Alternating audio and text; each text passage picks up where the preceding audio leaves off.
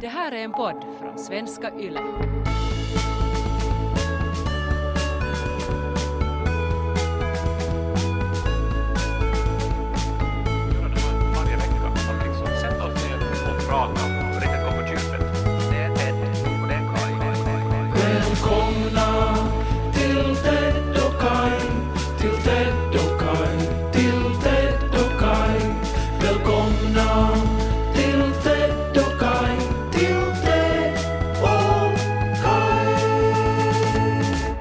Hur du Kaj förklara ordet fjärran åt någon som eh, aldrig har hört det förr och inte annars är kanske en, en så här expert på språk?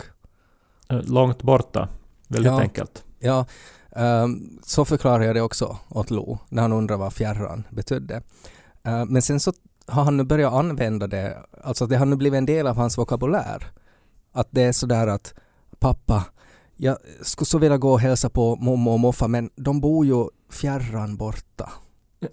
och det, det blir ju roligt för att det är ju som ett sagoord, alltså fjärran. Det är, ju, det är ju inte ett ord som egentligen används men att samtidigt har han ju helt rätt. Men att han blir ju som till en sorts, en liten prins när han använder sådana ord. Ja, men inte det är väl en dålig sak. Jag måste säga att jag, att jag tycker det där låter ju jätte, vad ska man säga, ch- charmerande på något sätt. Att om jag skulle se ett litet barn som säger det där så skulle jag ju, jag skulle ju, jag vet inte, bli varm inombords. Ja, men sen när han börjar i skolan och säger att där kommer bussen, den är ännu fjärran borta.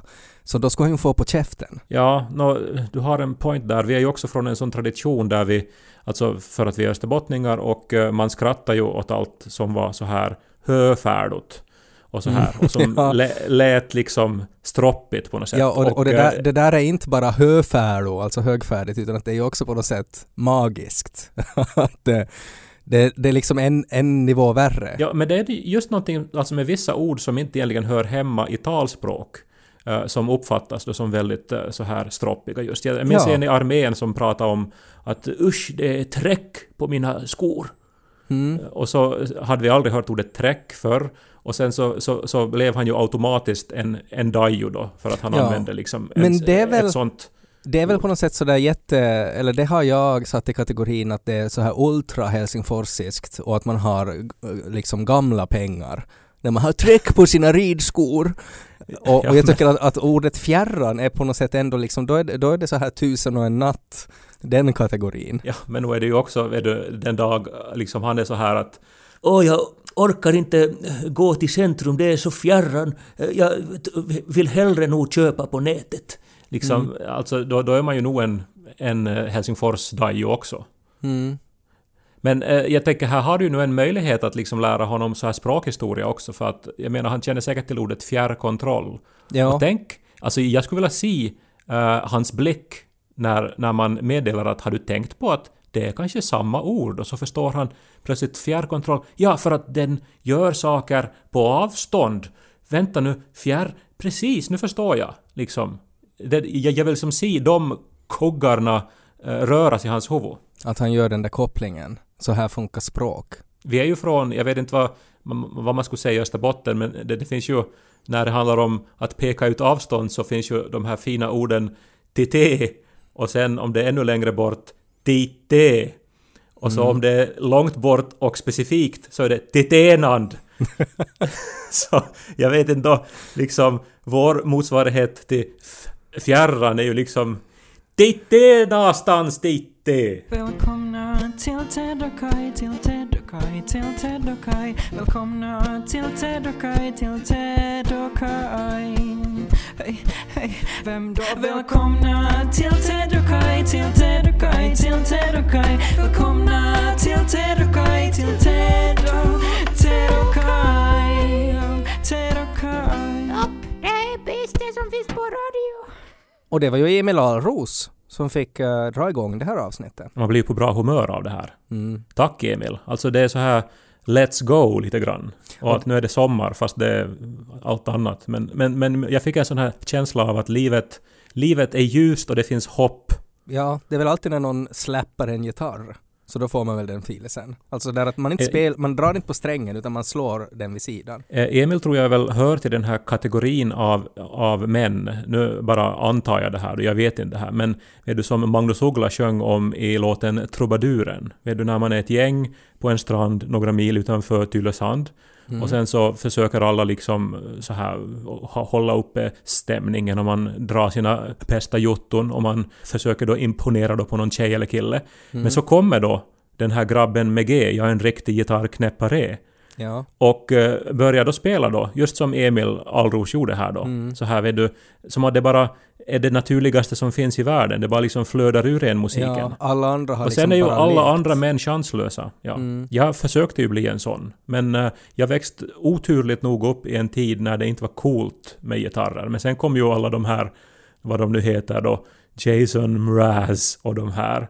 Och plötsligt så blev det ju väldigt häftigt igen. Så idag så skulle ju Emil Alros sopa eh, brädet, vet du. Alla andra spelare skulle vara chanslösa. Jag tror ju att du förlorade din chans direkt när du sa att du försökte bli en sån där. För att det är ju just det att man kan, man kan inte liksom försöka bli en sån där. Att antingen är man eller så är man inte. Vad skulle du ha gjort kring lägerelden då för att få tjejernas uppmärksamhet? Um, jag var ju, eh, var ju ändå sådär, kan ju grunderna i didgeridoo. Och jag tänker väl att de tjejer vars uppmärksamhet jag får för det, det är väl de jag, det är väl de jag får ta helt enkelt. Jag tänker bara att folk sitter där och liksom småpratar och det är jättemysig stämning och man hör liksom ljudet av den sprakande elden och så kommer det här och liksom vet du, inget annat hörs. Det liksom tar hela spektret av ljud. Sand Liksom, och spott strittas in i lågorna. Didgeridoo-spelaren av Magnus Uggla. Hur går det i Sverige då? Lever du ännu? Nå, ja, tack som frågar. Det, det är jättefint här fortsättningsvis. Eh, Håller på att bli ödsligare och ödsligare. Nu är vi bara två författare kvar på hela författarcentret. Och här så brukar det vanligtvis vara kanske 15. Så att eh, det är lite så här spöklikt ödsligt i de här korridorerna. Jag minns inte om du minns, och kanske lyssnarna minns, att jag, att jag berättade en spökhistoria från, från Gotland i fjol. När jag var här senast. Ja, det var, det var det inte något med något hår? Ja, och nu har den fått en liten fortsättning. Eh, jag är ganska kärrad, helt ärligt, så jag vet inte... Men jag måste väl dra den nu då, när jag har börjat. Ja. Men om vi lite ska uppfriska minnet så var det så att jag hittade en massa så här långa svarta hårstrån i mitt rum som jag städade undan. Mm. Eh, Men jag reagerade på att, att de fanns liksom överallt. De fanns i skåpet, de fanns på toaletten, de fanns under madrassen och så vidare. Mm. Men jag städade bort dem. Mm. Eh, men de kom tillbaks och det var konstigt. Och sen en natt så vaknade jag av att någon alltså drog mig i håret. Just det, så var det. Och sen så såg jag mig själv i spegeln och så stod håret ut som om det skulle ha liksom sprayats med jättemycket hårspray. Mm. Det var ju en läskig historia. Men du jag. kom, kom du aldrig fram till vad det var då? Att, att var det någon katt? Nej, för att jag for liksom hem sen, for jag. Ja. Alltså det där var typ sista natten som jag var här då i fjol. Mm. Eh, men jag, jag har ju aldrig glömt det där, för det är väldigt så här spöklikt. Ja. Men så Eh, nu, nu men har du nu- då en, eh, en ny spökhistoria från Gotland. Nej men det är samma hår överallt. I det här rummet också. Alltså, alltså sån här, vet du som om min mamma, du, du, du vet ju hur liksom hennes hår, så här långt och, och eh, nästan svart. Mm. Såna hårstrån helt överallt. Men kan och det jag städar och jag hittar nya och nya. Och sen var jag, för här utanför så finns, alltså vi är liksom uppe på en stor kulle och så finns det en trappa som får ner till, till domkyrkan här helt bredvid. Och Mm. det var en jättefin solnedgång så jag satte mig i trappan för att se på solnedgången. Mm. Och satt där, lyssnade på någon podd, såg solen sjunka bakom klinten. Och eh, det, det gick människor förbi mig liksom eh, då och då, för det är som en- en av de här vägarna in till centrum så att säga. Mm. Mitt i allt är det någon som tar mig i håret. och jag rycker till förstås så här och det, det som går förbi mig då är en man eller kvinna, ingen aning, i en jätte, liksom, alltså stor otymplig röd kappa och uppfälld huva. Ja. Och går ner för trappan och försvinner in i stan. Men som luggade dig när, när hen gick förbi?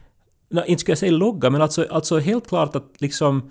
Alltså det som gick någon sorts... Alltså någon, någonting utstickande gick över mitt hår. Mm. över mitt huvud. Ja. Alltså inte, alltså inte nu lugga, det kan jag inte påstå, men i alla fall, alltså, eh, jag tror inte att det liksom var en del av jackan, utan Nej. det var alltså, alltså, möjligen liksom något bältesspänne eller någonting så här. Men mer troligt är ju alltså ett finger, eller liksom en del av handen. Mm. Och så en sån här röd gestalt, och jag kommer ju att tänka på den här fasansfulla filmen Don't Look Now, har du sett den? Nej. Det är en sån här klassisk 70-tals skräckfilm där eh, de jagar en, en, en rödklädd gestalt genom Venedigs gator. Och den har ett rysligt slut då när den här mannen då eh, till sist fått tag i den här röda varelsen som han då har börjat tro att är hans dotter. Eh, men så, så sen är det liksom en helt märklig trollliknande figur som sen dödar honom. Mm. Nu förstörde jag ju filmen, den är nog mycket bättre än sådär. Ja, jag tyckte Men- den lät som ganska bra. Men förstår du, det är ju, det är ju någon sorts hårdemon. Men kan det vara då, okej alltså, för först när du berättar då att de här hårstråna också dyker upp nu, alltså är det ett annat rum som du har den här gången? Jo, ett annat rum. Ja. Ja. Kan det vara då att de här håren på något sätt växer någonstans på dig utan att du är medveten om det? Alltså där, nu säger jag inte att de växer. Att jag skulle ha så här 30 centimeter långa könshår. Så här. Nej, jag sa inte att de var könshår, men att de växer någonstans där du inte kanske är medveten om det och så lossar du dem. Alltså Mm. som ett, som nu ett vi ju- djur. eh, Det här är ju eh, fel eh, diskussion nu, men du vet ju att jag som ansvarstagande och en kärleksfull pojkvän till min älskade man Mm. tar ju hand om min kropp och min eh, kroppsbehåring. Mm. Och liksom ansar och håller mig fin. Ja. Och eh, så att det skulle ju aldrig växa till sådana här gro- groteska längder som dina eh, hår under armarna till exempel. Men om det är någonstans på din kropp som du inte är medveten om och det är så otroligt pinsamt så Nico inte har vågat säga det. Men så du menar att det är liksom mitt könshår som sprider sig Ja, över jag har Östersjöns författarcentrum? Aldrig sagt att det är ditt könshår. Men jag vet med mig själv till exempel så kan man ibland ha sådana där ögonbryn som på något sätt får eget liv och bara det här ena håret blir bara jätte, jättelångt. Och kanske du har någonstans på din kropp också. Alltså att om all din skäggväxt koncentreras till en enda hårsäck och så lever den liksom vilda liv på nätterna. Nå, alltså, eh, ja, eh, men nu eh, struntar du ju helt då i det här då att Ja. jag vaknar och någon drog mig i håret Ja. och att det går då en rödklädd demon nerför trapporna och tar Ja. mig i håret. Men du, du bestämde inte då att gå och följa efter den här demonen och se vart den får? Nej, men vi är ju skräckslagen och jag hade ju sett den här filmen. Men, nå, ja, men i övrigt är det, är det helt bra här. Det är ju en eh, lite dystopisk känsla. Bortsett från pandemin och skräckfilmsdemoner och att det blir bara mindre och mindre människor där du bor så är det helt okej. Saffranspannkaka är satans gott. På tal om coronan eh, och eh, symptom och sådär. För nu är Lo hemma från dagis igen för att han är snorig. Uh, och, och det är han ju ofta och då får han inte vara på dagis. Men jag börjar fundera på det här med symptom. Alltså att det är ju tråkigt det. Alltså att när man säger symptom så avser man ju alltid någonting negativt. Att är det inte men, men, ah, alltså, när det finns hela den här diskussionen om att virus muterar sig och, och förändrar eh, beroende på, så det är ju synd att virus och bakterier är så destruktiva. Alltså att, att det inte ännu har alltså uppstått ett, ett virus som skulle på något sätt så här vilja leva i symbios med mänskligheten. Alltså en snuva som istället för att, att man blir snorig som gör någonting negativt så skulle det leda till att man utsöndrar någonting trevligt. Att det inte blir att man får tungt att andas och att, att det liksom rinner ur näsan utan att det skulle komma, inte vet jag, från, man skulle ha ett litet hål på fingret och så skulle det komma något honung ur det eller någonting. Alltså någonting som skulle kunna vara så här till nytta. Du menar liksom ett, ett scenario där det istället för vinterkräksjuka på ett dagis så skulle det liksom gå Alltså under ett par veckor så skulle barnen få såna här, att de skulle vara jättesmarta plötsligt. Ja, att de skulle vara smarta eller, eller sådär att det skulle vara sådär att, att oj, att, att han sprang snabbare än Usain Bolt. Ja, men han var ju flunsig. Det var ju därför. Och han hade den där flunsan som man blir kvick av. Men skulle man måste vara hemma då eller? Nej, För- men det beror ju helt på. Alltså det skulle, det, det skulle ju bli då att man skulle vilja ha av de där 20. Alltså för att det är ju också sådär att, att det är ju hemskt, man blir ju så medveten om stigma eh, social stigma, tycker jag, när det pågår en pandemi. Alltså att om man hostar en gång så, så vill man ju sjunka genom jorden för att alla stirrar ju så hemskt på en. Fast man sitter med coronanegativt test eh, så känner man ändå sig så hemsk. Eh, Men att nu skulle det vara tvärtom, alltså att man skulle vilja ha de här symptomen för att de är så jävla bra. Alltså ett symptom Ja, att ist- istället, istället för att man får så här nedsatt lukt och smak så ska man få superlukt och supersmak när man har den här snuvan. Men det här skulle ju förstås leda till då att man skulle precis som man gör med vaccin, så skulle man ju identifiera då de här virusen eller bakterierna som orsakar det här och så skulle det ju bli missbruk. Alltså människor skulle ju, skulle ju äta det här som, som dagliga piller eller man skulle eh, hitta på liksom vaccinationer som egentligen är då alltså uppgraderingar av ens system. Och då skulle det kunna vara att när man vet att om man har en jobbig tent på kommande så får man till, till, till sjuksystern och säger att nu skulle jag måste få det här smart hostan. Istället för kikhosta så är det Ja. smarthosta. Precis. Ja. Ja, nej, alltså- Istället för men- cheek-hosta så är det IQ-hosta.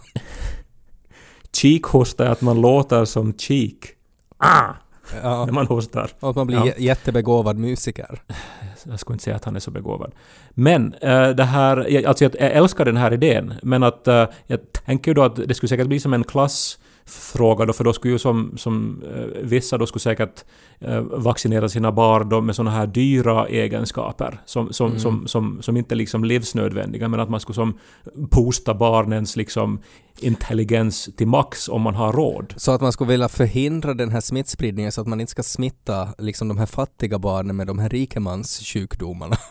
Ja, eller jag menar just att för att man skulle utveckla då förstås ett, ett sätt att utnyttja de här förmågorna då. Alltså någon Mm. sorts motsvarighet till vaccin.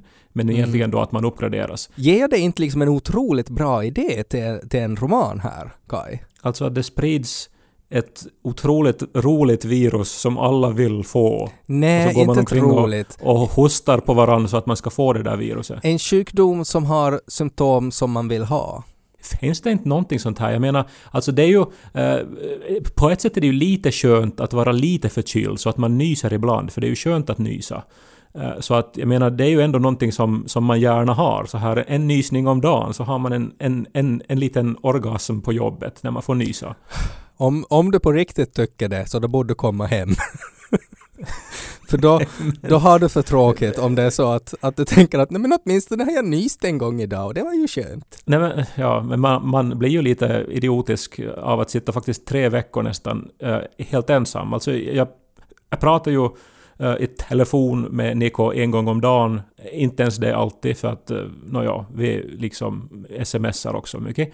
Eh, men att annars, jag, jag träffar ju inga människor. Jag är ju helt för mig själv och mina... eh, jag och mina tankar är mina enda vänner. Så här. Och jag gör Mm. långa promenader ensam.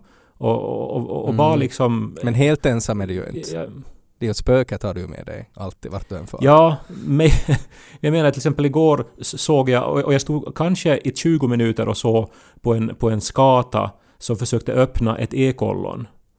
Alltså Mm. eh, skatan liksom lyfte ekollonet till höga höjder och släppte det i asfalten. Mm. Och sen så öppnade det sig inte. Och så hä- hämtade skatan det och försökte igen. Och höll på Mm. så här liksom i 20 minuter. Och, det, och jag, jag försökte vara så här att, men det, det är ju inte värt det. Alltså om du får upp det där ekollonet, det är ju knappt någon mat där inne. Liksom Mm. ge upp skata. Hur gick det för skatan då? Nej, jag får ju till sist. Jag, inte kunde jag stå där i mer än 20 minuter Du ändå. kunde inte tänka dig att få hjälpa den där skatan då? Hej, vet du vad? Jag, jag, jag, kan, jag kan hjälpa. Det här... eh, Men om får du- jag det?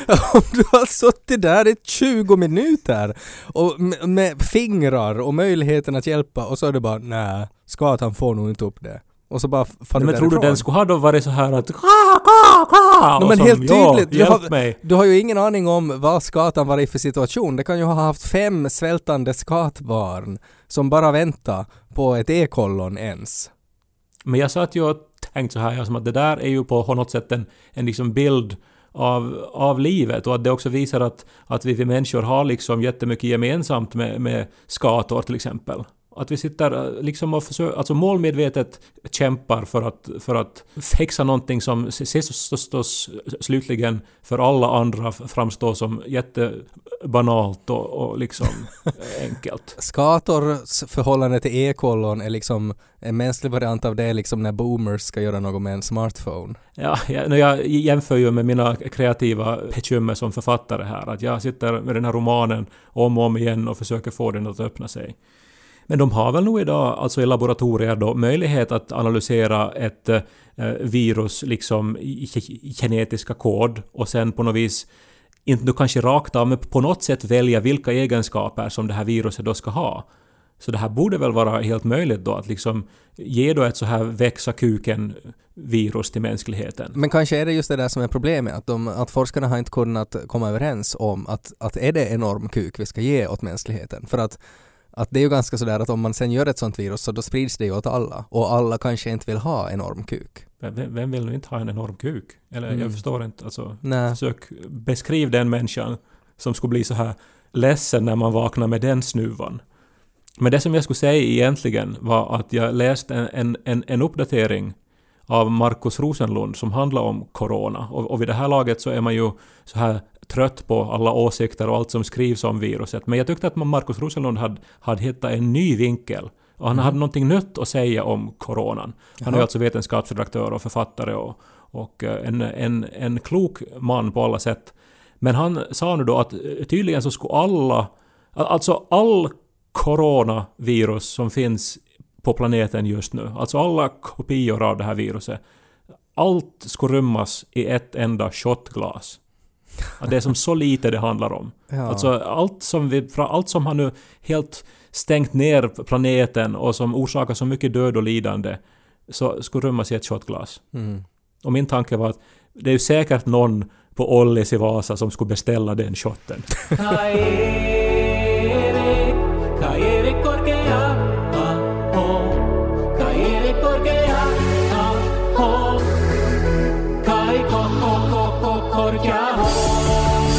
Men lite på tal det vi pratade om, och också för att jag är så nyfiken på, på det här vaccinet nu. Alltså det går ju framåt för eh, coronavaccinet, så det ska bli spännande att se vad som händer. Men att hela det här med att hur man ska beakta alla bieffekter och sånt där, och du var ju lite inne på att ja, men vem skulle inte vilja ha stora kuksjukan, eller vad du kallar det. Så såg jag bara en, en artikel som ploppade upp i mitt i flöde där det handlar om en, en viss form av fartygsmålfärg som hade en bieffekt som de inte hade räknat med. Att när man hade ett fartyg som var då målat med den här specifika färgen, så när det här fartyget körde runt i vattnet eh, och kom i kontakt med eh, sådana här havssniglar, så det som hände med dem då var att de fick penisar och sen exploderade de. att,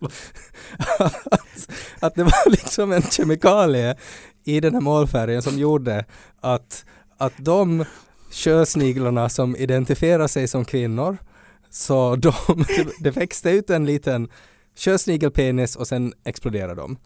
Och, Penisen som exploderar eller hela snigeln då? nej, jag tror hela snigeln. Det kanske börja, alltså kanske explosionen var liksom börja där. Men att det ändå ledde till att det växte ut en penis och sen dog de. Och det är på något sätt så specifikt det där att jag tänker att, att det måste ju ha kommit nog som en överraskning åt de här människorna som, som uppfann just den här målfärgen. att, att när de då fick reda på, alltså det var säkert ett ganska upprört samtal som de fick från någon marinbiolog som har hållit på och odla sjösniglar jättelänge och så ringer de då och säger att vad har ni riktigt satt era målfärger? För när det här fartyget kom förbi, vet du vad som hände med alla mina flick-sjösniglar? De fick penisar att explodera! Jag tänker bara också liksom när man står på däck där och ser då alltså när fartyget bryter genom liksom havets vågor då så är det sådana här liksom här och där så är det som att det som bubblar det, runt omkring kölen liksom och så är det så här små explosioner och det knattrar liksom och, och man tänker vad är det här nu för konstigt? Och, och liksom att räkna ut och förstå vad det är som händer. Ja, och, och tänk vad mycket känslor i de här sjösniglarna. Alltså vad mycket konstigt som händer på en gång. Alltså att man sitter i sitt hem, man har kanske så här burgundisk gryta i ugnen och så hör man ljudet av att det kommer en båt ovanför och ja, ja, snart kommer min man hem från jobbet och sen kittlar det lite under kjolen och så växer det fram en penis och sen kommer, kommer han hem från jobbet och man är så här älskling, jag vet inte vad det är som men det är ju på något sätt är det ju som en metafor för puberteten det här också.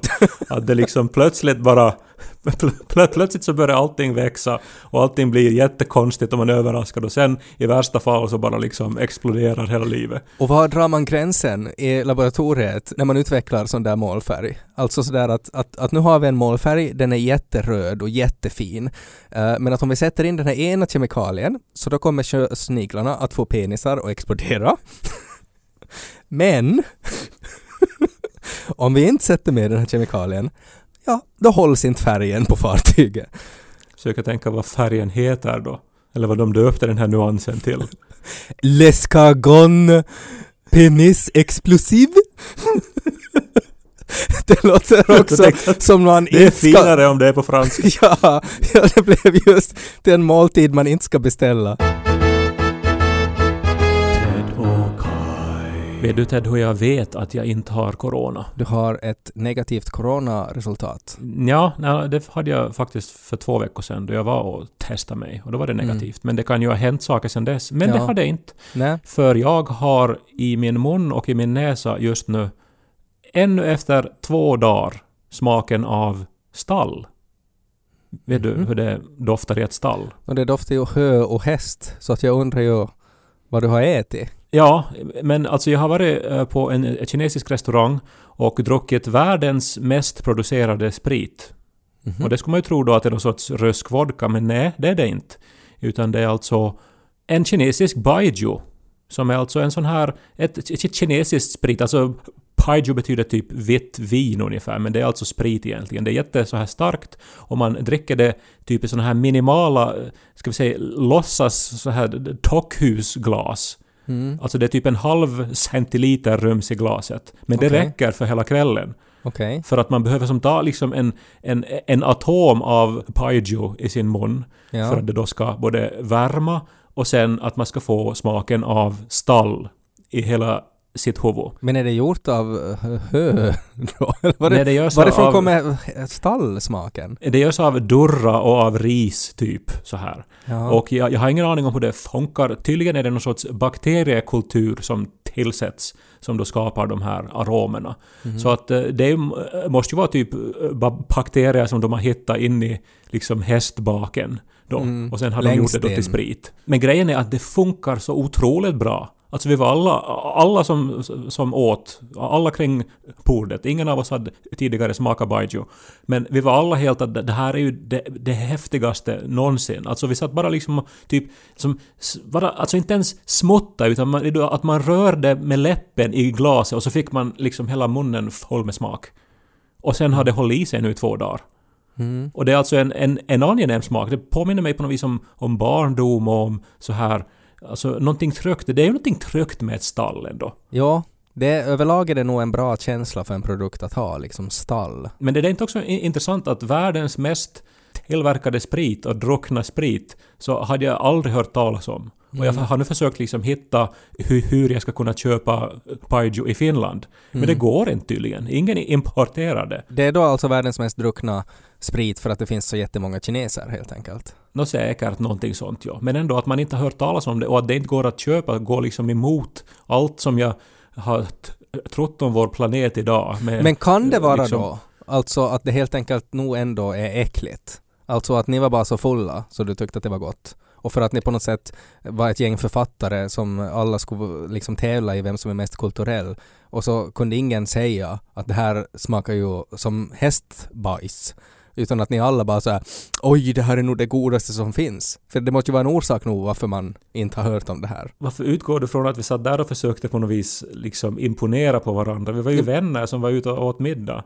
Ja, men för att äh, jag kan helt tänka mig att det var den här känslan av att ingen hade smakat på det där tidigare och så smakar man på det och ens första känsla var att det här smakar hästkacka. Men det kan man ju inte säga för att då framstår man ju som okulturell och, och som en barbar och det vill man inte göra när man är på Gotland. Så då säger man att det här är Nej, det vi godaste jag någonsin har druckit. Vi sa ju att det smakar stall, men det kan ju som... Alltså, man blir ju överraskad när någonting som, som är så litet i ett glas smakar så mycket. Och ännu till att det kan smaka någonting som inte man har tänkt på att det är en smak, utan mera en doft. Mm. Ja, no, mm, okej. Jag tycker om det att, att äh, man, liksom för att beskriva en smak så säger man ett ställe. Liksom att om man, om man skulle kunna göra en limsa som skulle smaka pannrymi till exempel, så tänker jag att då skulle man ju bli rik. Ja, alltså en vodka som skulle smaka pannrum. Alltså faktiskt, det, det, det är ju en, en... Då har man ju liksom löst Finlands exportproblem. Mm. De kan ju strukturera en hel meny, alltså utgående från var man rör sig i ett rum. Alltså att man börjar med en snaps från pannrymi och, och så rör man sig från och tar en, eh, ett litet vin som smakar tambur. Och så rör man sig in då till vardagsrummet och far via köket och Sen avslutar man kvällen med lite efterrättsvin från sängkammaren. Och sen om man är riktigt modig så får man ta den här minimala, minimala shotten som gör att ens kuk växer och så exploderar man. Sista man säger det, mm, det smakar stall det här.